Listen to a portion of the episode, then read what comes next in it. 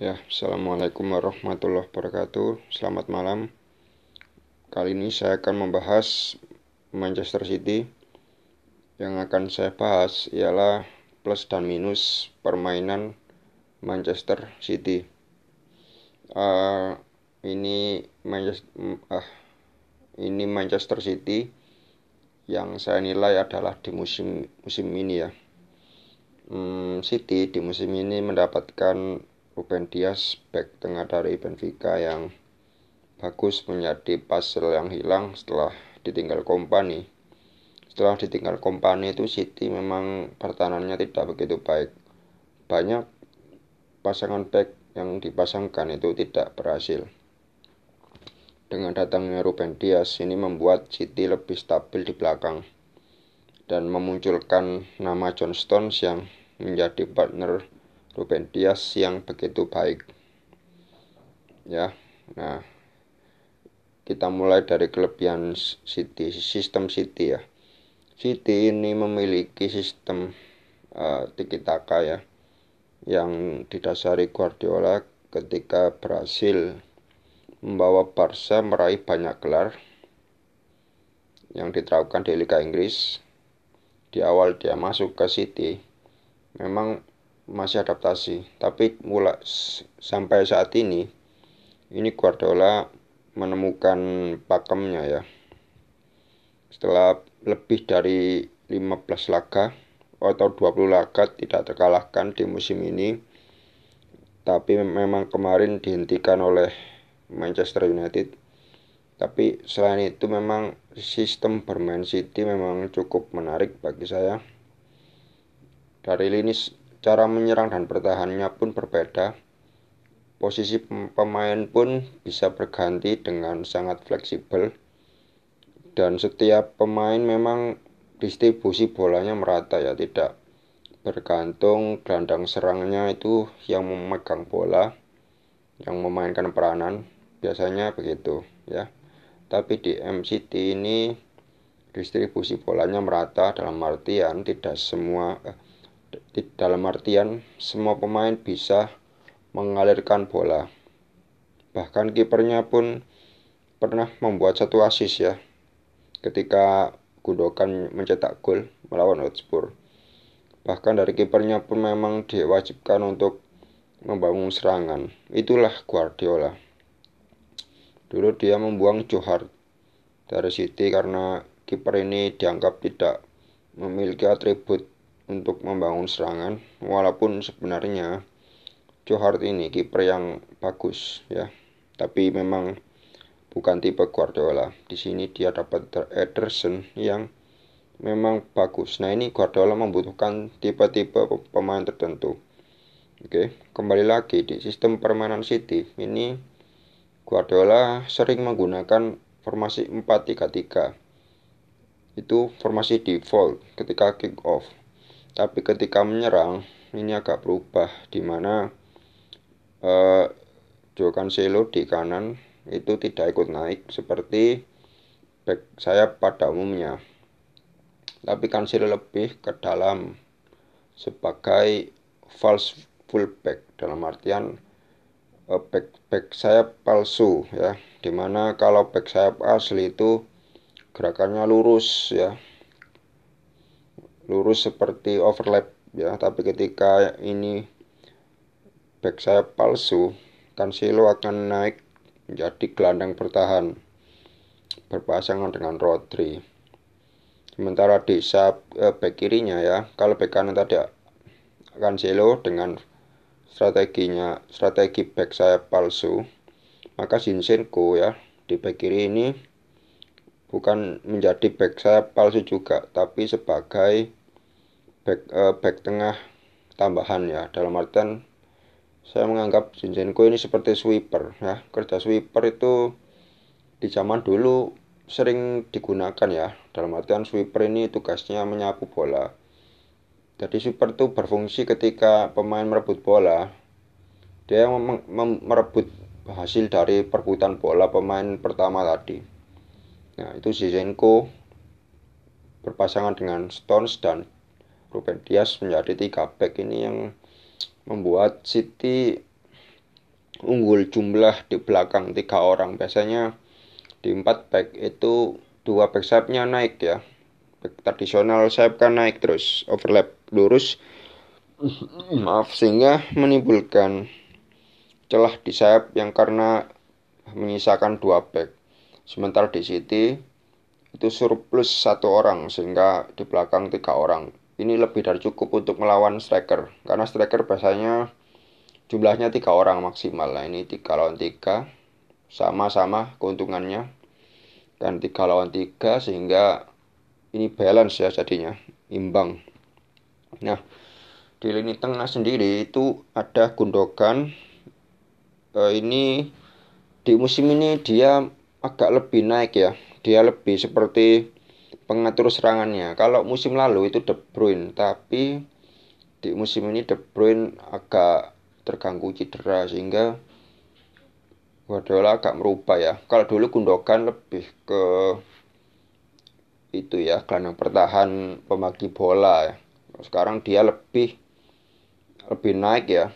Di belakang itu tugas Gundogan di musim lalu diserahkan kepada Cancelo dan Rodri ya karena dua ini menjadi lini eh, seperti gelandang pertahan lah walaupun Cancelo bukan sebenarnya Ya karena Guardiola menggunakan Cancelo sebagai uh, fullback palsu ya. Jadi dia mengarah ke tengah. Kembali ke Gundogan ini menjadi peran yang sentral buat dia karena dia benar-benar bergerak bebas semau dia. Jadi ini free roll ya. Free roll itu tidak dibebankan tugas khusus ya. Benar-benar bebas tapi Gundogan tidak terlalu sering masuk kotak penalti. Mungkin memang saran dari Guardiola karena Guardiola ingin uh, Gundogan menjadi jembatan dari lini 1 ke lini 3. Karena Gundogan kan di lini 2 ya. Area serangannya. Lini, lini 2 itu mana sih? Ya, lini 2 itu di uh, di depan sebelum kotak penalti itu lini 2. Itulah kenapa City ketika lini di kotak penalti itu saya sebut end zone ya end zone atau zona merah di mana pulang gol di kotak penalti itu besar ya ketika bola di kotak penalti dan itu tidak itu dalam artian City buntu di situ maka bola dialirkan ke belakang dan kadang ada Gundogan yang bisa saja mencetak gol nah itu Gundogan makanya di musim ini banyak mencetak gol dari lini kedua ya coba anda saksikan di banyak gol City Gundogan sering dari lini kedua ini mencetak banyak peluang ya.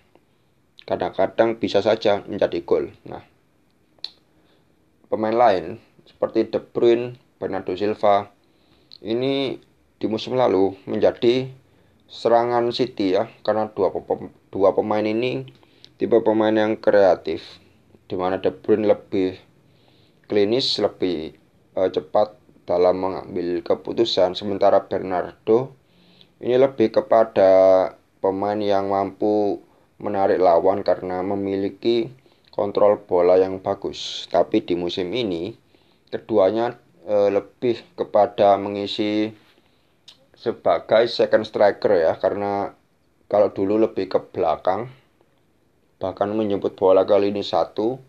Di musim ini sudah bermain antara lini 2 lini 3 jadi kalau antara lini 2 lini 3 itu antara dia di tengah di jalurnya Gundogan ya di area kerjanya Gundogan atau memang dia uh, dua pemain ini ya baik Bernardo Silva maupun De Bruyne bisa masuk kotak penalti.